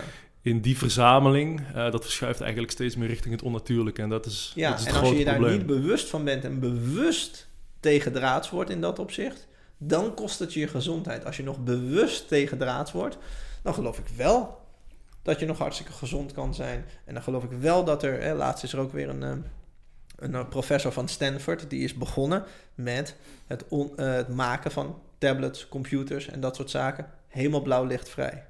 Je kan er buiten in de zon mee lezen, het reflecteert niet, je kan het goed lezen en uiteindelijk komen daar infraroodpanelen en zelfs UVA-licht in om je gezond te houden Ja. als je op je scherm zit. Dat zijn echt game changers. Daar, Ziek. hadden we het eh, vorige week al over. Ja, die is echt, Ja. dat is echt. eh, dus nou, ik ben helemaal niet eh naargeestig of, of slecht gestemd in dat opzicht. Alleen er moet wel Er is informatie. werk aan de winkel. Ja, er moet wel informatieoverdracht zijn, Ja. zodat mensen betere keuzes kunnen maken. Ja. Net zo goed als we dat ooit waren er dokters op tv die zeiden roken is goed voor je.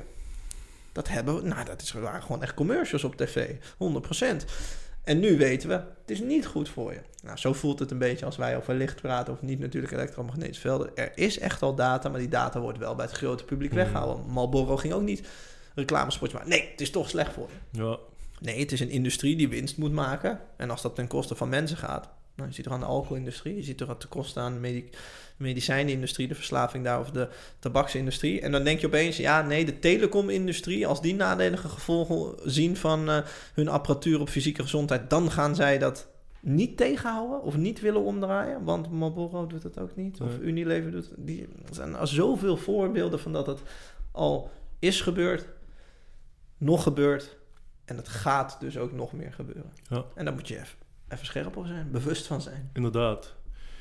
Hey, over zeven jaar 14 miljoen chronisch zieken in Nederland. Ja. Eh, nou, jullie hebben hier een hele mooie praktijk, maar die gaan jullie niet in jullie eentje allemaal uit de brand helpen. Nee, absoluut niet. Maar ehm, nou, daar hebben jullie al een mooi plan voor. Of Ja, in ieder geval, dat, dat, dat, eigenlijk- dat is in eigenlijk toen we de- praktijk. Ja, eigenlijk toen we de praktijk begonnen, zeiden we van, dan zagen we dit een beetje aankomen. Van ja, we kunnen niet eh, met z'n drieën, vieren, vijven, zessen, dus inmiddels zeven eh, alles oplossen. Zowel niet achter de schermen als voor de schermen.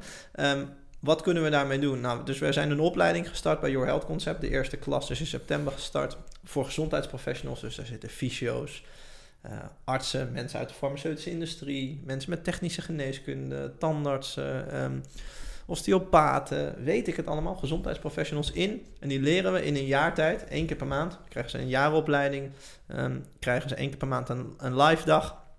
Gewoon educatie over hoe werkt kwantumbiologie, hoe maak je het praktisch voor je cliënten, hoe kun je het in je praktijk toepassen, hoe zou je bloedwaardes nog meer kunnen analyseren, dus op een dieper niveau, dus echt naar protonen en elektronen kijken in dat hele proces van zoeken naar de oorzaak van gezondheidsklachten, zodat zij in hun praktijken ook weer andere mensen kunnen helpen. Ja. En in februari start klas 2 en in eh, eh, september 2024 start klas 3. Dus we willen deze informatie, deze wetenschappelijke informatie overdragen aan andere gezondheidsprofessionals. Ja. Ja, dus het doel is echt om de deelnemers te leren hoe ze de kwantumbiologische principes praktisch kunnen gaan implementeren. eh, Echt met de nadruk op praktisch. Want over Ja. kwantumbiologie kunnen we nog honderd jaar lullen. Zo Ja, ingewikkeld inderdaad. is het. Maar het moet praktisch zijn voor de uitvoerder en de ontvanger, in dit geval de cliënt. Wat moet ik doen om mijn gezondheid te verbeteren? Dat gaat dus verder dan dieet. En hoe het verder gaat en hoe het precies werkt, dat leren we je dus in onze opleiding. Je leert de theorie, maar je leert ook vooral de praktijk, hoe je het kunt toepassen, zodat al die praktijkhouders of al die mensen die in de gezondheidszorg werken, dat die andere mensen ook weer kunnen helpen. Want heel veel chronische klachten kunnen echt in vier maanden tijd, 16 weken opgelost worden. En dat Ja. willen we graag aan anderen leren. Exact. En hoe zie je dat dan voor je? Dat dat... Zie je voor je dat het samen kan gaan met de reguliere gezondheidszorg? Want je ziet nu Absoluut. bijvoorbeeld dat de druk op de huisartsenpraktijken, de eerste lijn zorg, dat het echt, dat gaat nergens meer over. Dat Nee. is gewoon niet, niet te doen. Nee. Ehm, Sterker nog, dat is ook een reden dat we die opleiding zijn begonnen. Want heel veel gezondheidsprofessionals hebben in de laatste drie jaar bij ons aangegeven... wij willen ook leren wat jij leert. ja, We, we zijn eh, eh, bij het Erasmus eh, ziekenhuis geweest... en daar met eh, de, de, een van de hoofdprofessoren gesproken over mitochondriën. Ook heel erg geïnteresseerd.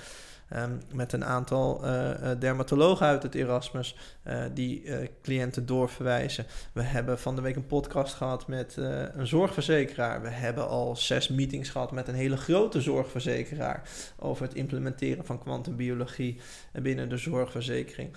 Uh, we hebben uh, huisartsen die in, niet alleen in training zijn, maar ook uh, in het huisartsencollectief um, dit aankaarten en daarmee verder willen. We zijn bezig met accredita accreditaties ja. voor onze opleiding. Dus ik denk dat het heel goed samen gaat. Wij zijn ja. totaal niet anti-reguleren. Nee, precies. Dat, dat is wat mensen vaak denken. Ja. Van of, of je staat achter de reguliere gezondheid, of je staat achter de holistische of de alternatieve gezondheid. Maar ja, het, probleem wordt zo groot dat er echt je de moet handen moeten ineengeslagen gaan worden. twee praktische dingen. En dat is um, resultaten spreken voor zich. Ja. Daar sta ik altijd eerst voor. Je kunt alle theorieën en al dat soort dingen doen. En dat is ook als je experiment faalt. Hè, dat zei uh, Richard uh, uh, Feynman, bekende um, onderzoeker. Ja, dan is het nog zo leuk je theorie, maar dan werkt het niet. Het moet gewoon eerst werken. Ja. ja dus ook wel eens mensen op het internet zeggen tegen ons van... Uh, ja, je bent de charlatan, je lost niks op. Dan zeg ik altijd, ja, nou, dat denken honderden mensen in de praktijk anders kijk maar over. naar de reviews. ja, precies. Of kijk naar uh, bloedwaardes. We hebben colonoscopieën voor en na. Uh, dat is allemaal prima. Dat is leidend. Tweede is wetenschap. En wetenschap en onderzoek zijn echt twee andere dingen. Dus een heel flauw voorbeeldje wat ik altijd geef. Wij gaan hier niet discussiëren over of een pen omhoog komt. En sorry, naar beneden komt als je hem omhoog gooit. Dat wilde ik zeggen. Nee, dat is gewoon een stukje wetenschap. Over voeding wordt heel veel gediscussieerd omdat het onderzoek is. Maar als we nou even heel simpel kijken, en dat hoort ook bij wetenschap. Kan jij twee ijsberen, twee zebra's of twee leeuwen noemen waarvan voor uh, de ene dier A dat dieet goed is en voor het B-dier het andere dieet? Of eten die allemaal hetzelfde? Die eten allemaal hetzelfde. Aha, oké. Okay. Dat is een stukje wetenschap. Zijn vezels nodig voor gezondheid? Nee. Kijk maar naar die Inuiten. Kijk maar naar mij. Ik ben al jaren carnivore georiënteerd. Uh, nooit 100%, want je hebt ooit echt, echt wel een taartje gegeten of een stukje chocola. Of een keer uh, als je in Spanje bent een ijsje. Dus ik ga niet zeggen 100%, maar wel 98%. Uh, dus dat hoort ook bij wetenschap. Dat je het in een experiment gaat toepassen. Wat vertaalbaar is naar de daadwerkelijke buitenwereld. Hè. Heel veel onderzoek in een laboratorium rondom voeding, los van het feit dat het korte studies vaak zijn, niet altijd vaak, worden ze vaak ook onder kunstlicht gedaan. En dat ja. is niet de echte wereld. Want eiwitten en stoffen reageren op licht. Onze huid wordt donkerder. Hè? Eiwitten, dat is mijn huid, collageen, op licht. Dus als ik nou alleen maar onder één studie, oh sorry, onder één frequentie die studie doe, dan houdt het op. Dus ik denk juist dat het heel erg samen moet. Ik denk juist dat het al samen is. Alleen dat er door macht, geld, uh, onwetendheid, een grote wereld, eilandjes gecreëerd worden. Maar die eilandjes, die hoor ik, die hoor, ik, ik, ik kan ze niet eens los van elkaar zien. Hm. Waar heb je het over? Uh, alternatief, traditionele, Chinese. Uh, het is toch gewoon gezondheidszorg? Of hoe? Exact. Ja, dus ja. Uh, nee, het kan perfect bij elkaar. En dat gebeurt ook al heel veel. Ja. Niet alleen hier, maar ook in Zwitserland is kwantumbiologie doodnormaal superveel. Vertelde je, zelfs een opleiding of een master uh, erin? Het is gewoon een master aan de universiteit in Genève. Ja. Zeker. Ze proberen het een, uh, een, master te maken aan de Rijksuniversiteit Groningen. Heb ik me laten vertellen, alleen dat hoor ik al vier jaar. Dus ik hmm. weet niet precies hoe die ontwikkelingen zijn. Kan nog wel even overheen gaan. Ja. Maar ja, tot die tijd uh, hebben jullie hem, hè? de opleiding. Zo is dat. Ja, ik ga er zelf ook wat lessen geven. Zeker, dus dat, absoluut, daar heb ik super veel zin in. Super Ja. veel zin in. En wat natuurlijk ook mooi is dat er uh, mensen zich aanmelden vanuit zoveel verschillende disciplines. Dus je noemde al fysiotherapeuten, uh, osteopaten, artsen. Uh, artsen, zeker dermatologen, tandartsen, um, mensen die technische geneeskunde hebben gestudeerd, Ja. mensen die in de farmaceutische industrie op dit moment actief zijn. Ja, Ja. ja, misschien dat er momenteel ook al mensen luisteren die denken van... Ah, ik ben echt op zoek naar, naar antwoorden, antwoorden op vragen in mijn professie als... Uh, ja. Gezond, gezondheids Ja, en we hebben, zelfs, uh, we hebben zelfs drie mensen erin zitten. Die hebben al een uh, sportschool met z'n drieën. Hm. En um, die willen dat toe gaan passen. En dus eigenlijk ook zeg maar een soort praktijk binnen de sportschool starten. En daar besteden we ook veel aandacht aan. Van hoe werkt dat nou financieel? Dat vinden we ook bij een opleiding. Hoe Ja. start je je eigen praktijk los van de zorgverzekeraar of met de zorgverzekeraar? Beide is helemaal goed. Um, hoe kun je uh, mensen helpen? Welke cliënten kun je het best helpen? Wat kan eventueel jouw specialisme worden? Dus Het ja, hele het is. Ja, het is, eh, ja, precies. We proberen echt, nou, dat woord, hè, dat is tegenwoordig, uh, mag niet meer gebruikt worden, een holistische opleiding aan te bieden. Financieel, mentaal, praktisch theoretische kennis. Zoals hoe in onze optiek een opleiding zou moeten zijn. Ja. Oké, ja. Ehm, als mensen daarin geïnteresseerd zijn, zullen we even de uh, details in de beschrijving zetten, linkje en extra informatie. Laten we, om het uh, af te sluiten, nog even naar de kijkersvragen gaan. Want Ja. uh, ik had gezien dat er een aantal kijkersvragen binnen zijn gekomen. Ja, ja leuk. Pak ik ze er even bij. Oké, ik heb uh, hier de kijkersvragen voor me. Er is enorm veel gevraagd, maar ik zal er gewoon een paar aan je Ja, voorleggen. Laten maar we raak. eens met de eerste beginnen van velen. Raakt je biologische klok verstoord als je vaak op vakantie gaat naar een ander klimaat of naar een ander, ander werelddeel? Uh, ja en nee. Kijk, van het vliegen, zeker als je door tijdzones heen vliegt, dan uh, raakt je bioklok wel een beetje verstoord. Het hangt er ook een beetje af hoe lang ben je daar. Hmm. Hè, dus bijvoorbeeld als ik naar mezelf kijk, ik ben in januari, februari, maart in Zuid-Amerika. Ja, natuurlijk is dat een vlucht van 14 uur. Alleen daar ben ik wel heel veel zon aan het pakken. En heel Exact. veel, hè, dus na een week of twee is het bioritme gewend. En na een week of zes is, zijn alle organen geoptimaliseerd voor die omgeving. Kijk, als je voor drie dagen naar Beijing moet, poeh, dat is wel pittig voor de biologische ja. klok. Of naar Thailand of naar Zuid-Amerika. Um, maar stel je voor, jij vliegt vanaf uh, hier naar Spanje of vanaf hier naar Noord-Marokko. Of ja, eigenlijk ook nog wel midden-Marokko. Dan is dat allemaal oké. Okay.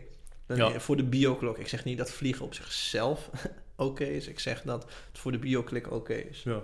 het scheelt natuurlijk ook als je in dezelfde tijdzone kan blijven. Is dat natuurlijk uh, ja, een stuk beter. Ja. Maar ja, je moet ook de afweging maken van enerzijds het vliegen zelf. Ja. Als je naar andere tijdzones gaat. Dat is grote stress op je bioritme. Zeker. Maar als je naar een plek gaat waar je nou ja, heel veel in de zon kunt zitten... Dan Win je compenseert, compenseert dat absoluut. Dus even heel flauw gezegd.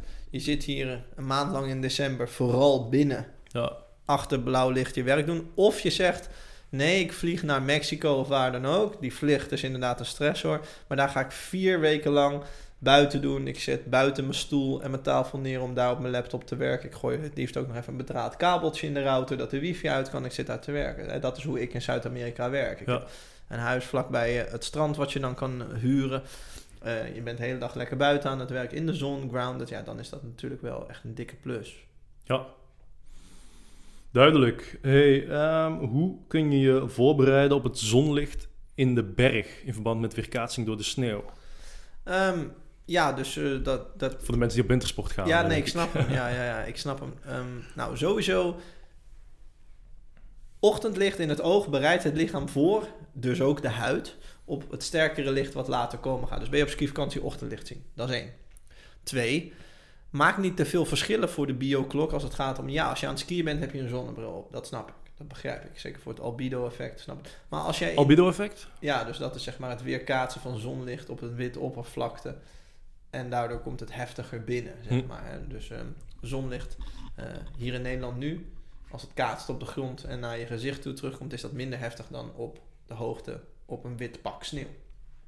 Um, maar wat je sowieso kan doen om die bioklok een beetje op orde te houden is... Ja, naar beneden. Maar als je in de lift omhoog zit, doe je bril af. Brilletje af. Ja, want dan komt er natuurlijk licht uh, in het oog. Dus dat is eigenlijk de beste manier om je voor te bereiden. Veel blootstelling aan zwakke momenten van zonlicht. Want die bereiden je voor op de Hmm. sterke momenten. In het groot noemen we het ook wel de lente is de voorbereiding op de zomer. Zwakker licht, steeds sterker wordend is voorbereiding op het hele sterk. Ja, maar jij zegt hiermee dus ook indirect met die kleine biohack die je even gaf van als je in de lift zit, doe je zonnebrilletje af, dan kan je Ja. biologische klokken synchroniseren. Ja. Je zegt daarmee dus ook indirect dat dat je helpt om minder snel te verbranden van zonblootstelling. 100%, Ja, absoluut. Ja, er zijn eh, verschillende ehm, eiwitten. Je huid bestaat ge- veel uit collageen en daar zitten ook weer andere eh, eiwitten in of aminozuren in die huid. Niet alleen collageen. Eentje is, ik spreek het altijd zo verrottig uit, triglycerine. Dat is wel hoe je het uitspreekt, maar het komt dan een beetje rot, rottig mijn mond uit. Ehm, en dat reageert vooral op wat zwakkere frequenties van het licht en zorgt er daarvoor dat er een beschermlaag op de huid komt, als het ware, op het moment dat de zon sterker wordt. Dus op het moment dat je een signaal gaat, 1, ik zet mijn auto in zijn 1, dan is het 2, 3, ik ga de motor langzaam warm maken en dan is die motor klaar om straks in zijn 6, 200 km per uur te knallen. Ja. Dat is wat ochtendlicht doet via bepaald soort eiwitten in je huid. ja. Duidelijk. Hey, zullen we nog eentje pakken? Ja. Die heeft ook uh, wederom met licht te maken, maar dat is nou eenmaal waar we over praten. Dus. ja, dat is goed. Uh, zonnebanken in het algemeen. En in de winter dan specifiek. Wat zijn jouw gedachten erover? Nee, geen fan van. Ultraviolet geïsoleerd. Bestaat niet in de zon. De zon heeft altijd de regenboog, infrarood licht en dan ultraviolet. Het is niet in het seizoen, want ze vraagt het specifiek voor de winter. Uh, zou ik niet doen. Wil je het nou echt per se doen? Want sommige mensen hechten heel veel waarde aan de kleur van hun huid. Oké, kies dan altijd voor een zonnebank waar infrarood, rood, UVA en UVB in zit. Ja. Ja, dus uh, nee, ik ben geen fan van zonnebanken. Ik zeg niet dat het niet kan, maar ik ben er geen fan van. Nee, ja, er zijn natuurlijk ook heel veel verschillende soorten zonnebanken. Uh, wat ja. je zegt, als je eronder een gaat liggen, pak er dan één die het spectrum van de zon zoveel mogelijk benadert, voor zover dat mogelijk is. Het is niet mogelijk, maar je wilt dichtstbij zitten. Ja, exact. Nou, Thomas, dat uh, waren de vragen. Er zijn nog wat meer binnengekomen. Dit, uh, dit waren de... kunnen niet allemaal. Ja. Precies, kunnen ze niet allemaal beantwoorden, want zit hier morgen nog. Hey, uh, zijn er nog dingen die je ons op het einde mee wil geven? Nog dingen waarvan je zegt, oh, daar, daar, wil ik nog wat over mededelen? Ja, wat ik altijd uh, doe, en dat heb ik al een beetje in het halverwege ook gezegd. Um, ik ben heel positief gestemd. Ja. We krijgen steeds meer kennis, we hebben steeds meer opties enzovoort. Dus uh, ik zit helemaal niet negatief in die. We kunnen wat doen aan die 11 miljoen chronisch zieke mensen. Niet alleen wij, jullie, maar ook een heleboel andere mensen rondom ons heen. We krijgen steeds meer kennis over de nadelen, de technologieën, de nadelen ervan worden aangepast. We worden steeds bewuster over de voeding die we eten. Ik geloof wel dat we in een zure fase zitten. We zijn echt mm. flink door de zure appel aan het heen bijten, dat geloof ik. Maar ik zie wel echt licht aan de horizon. En uh, dat vind ik ook leuk van dit soort podcast delen en zo. Het is niet alleen, ja, dit is slecht, dat is slecht, dit is kut. Dat... Helemaal niet. Er zijn dingen die weten moeten en let's go. Laten we lekker die dingen veranderen. En uh, dat wil ik altijd wel meegeven aan dat je gewoon, hè, dat zei een van mijn andere mentoren, die zei altijd, ja, als je zegt dat je iets niet kan veranderen, of niet, iets niet te veranderen is, dan zegt het eigenlijk alleen dat jij het niet kan. Ja. Maar niet dat het niet kan. Je kunt echt heel veel doen. Oké, dat is een hoopvolle boodschap om mee af te sluiten, denk ik. Ja, mooi. Hey, als mensen meer willen weten over jou, over Your Health Concept, waar eh, kunnen ze het beste naartoe? Ja, yourhealthconcept.nl en echt op alle kanalen, TikTok, YouTube, Instagram, uh, Spotify, Facebook heten we alle, overal Your Health Concept. Ja, En mochten mensen interesse hebben in een, uh, in een consult, hier in de praktijk of misschien wel in de opleiding? Ja, het mag ook online. We doen ook eh, intakes online. Uh, op de website kun je een intake plannen. Um, we hebben ook een actie in uh, januari dat uh, die intakeprijs voor de helft is. Kijk eens aan. Uh, gewoon om het nieuwe jaar goed te starten en lekker door te gaan met die positieve positiviteit. Dan hebben we een aparte pagina voor onze opleiding. En daar, als je dan een gezondheidsprofessional bent of je wil een gezondheidsprofessional worden, kun je een kennismakingsgesprekje um, uh, aanvinken. Kom je hm. automatisch in onze Calendly en dan neem ik je even nog. De opleidingspagina is heel uitgebreid, maar dan neem ik je nog even mee over uh, of de opleiding goed bij jou past en of er nog plek is. We doen altijd een beperkt aantal plekken per klas. Maar voor februari zijn nog een paar plekjes. Oké. En anders voor september. Mooi, ja. Die linkjes en die informatie zullen we ook in de beschrijving zetten. Top. Dan uh, wil ik jou voor nu enorm bedanken voor dit gesprek en alles wat je met ons uh, gedeeld hebt. Jij bedankt. Ja, het was, uh, was verhelderend, denk ik. was mooi. interessant. Goed zo, mooi. Goed, en dan wil ik ook de kijker en de luisteraar bedanken dat jullie weer bij ons waren voor dit gesprek. jullie mogen nu naar de intro gaan luisteren en we zien je en spreken je in de volgende aflevering. Dat was hem weer voor vandaag. Top dat je bent blijven hangen tot het einde.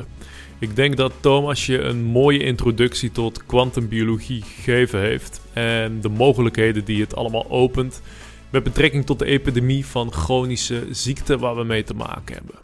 Heb je zelf klachten waar je niet vanaf komt en wil je met Thomas kijken naar een oplossing, dan kun je altijd een intake aanvragen via de link in onze beschrijving. Ben je zelf therapeut en wil je kwantumbiologie in je praktijk integreren om je cliënten te kunnen genezen met tal van moderne aandoeningen? Check dan ook even de link in de beschrijving naar de opleiding van Your Health Concept. Heb je wat aan de topics gehad die we besproken hebben en wil je ons helpen om dit geluid te verspreiden? Deel de podcast dan even met je vrienden, je familie en je kennissen. Geef ons ook even een beoordeling op Spotify. En heb je geluisterd op YouTube, geef ons dan een like en subscribe op ons kanaal, zodat je op de hoogte blijft van wanneer we nieuwe video's publiceren. Dan wil ik je voor nu heel erg bedanken voor het luisteren. Tot de volgende aflevering.